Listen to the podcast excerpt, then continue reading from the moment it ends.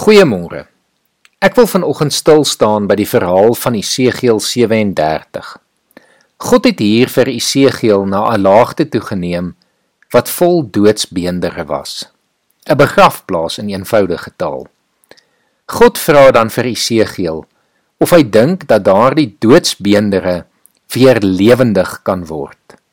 Eenvoudig weet ons almal, dit kan nie. Maar Esegiel antwoord met wysheid.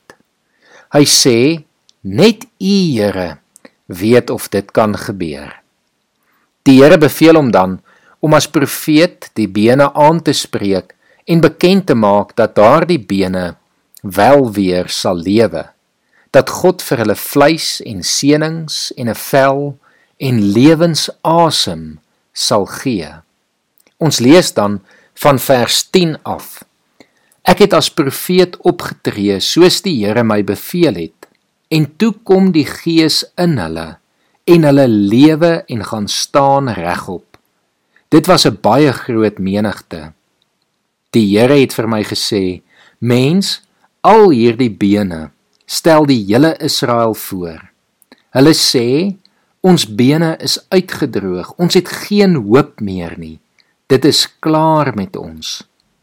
Tree op as profeet, sê vir hulle: So sê die Here my God: Ek sal julle grafte oopmaak en julle laat uitkom my volk. Ek sal julle terugbring na die land Israel toe. Wanneer ek julle grafte oopmaak en julle laat uitkom my volk, sal julle besef dat ek die Here is.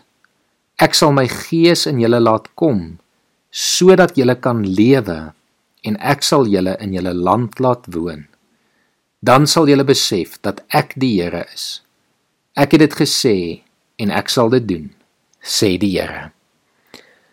Daar is baie mense wat vandag, soos Israel van ouds wil sê, ons bene is uitgedroog, ons het geen hoop meer nie en dit is klaar met ons.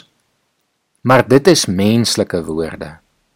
Ons kan nie en moet nie ons aan mense woorde steur nie. Ons moet vashou aan God se woord. God se woord wat sê ek kan weer lewe gee uit die graf uit. Ek kan 'n land herstel. Ek kan my gees in julle laat woon en van julle nuwe mense maak. Kom ons wees vandag dankbaar dat ons weet God is steeds in beheer en hy kan lewe uit die dood gee. Hy het reeds vir ons die dood lewendig gemaak en daarom kan ons ook getuig van die krag wat in hom as ons verlosser is. Kom ons bid saam. Here baie dankie dat U reeds die dood oorwin het.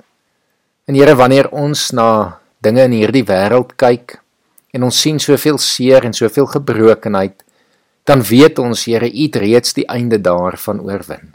U het die bose oorwin. En Here U het die ewige lewe moontlik gemaak. U het dit reeds as geskenk vir ons gegee, Here en daarin is ons hoop.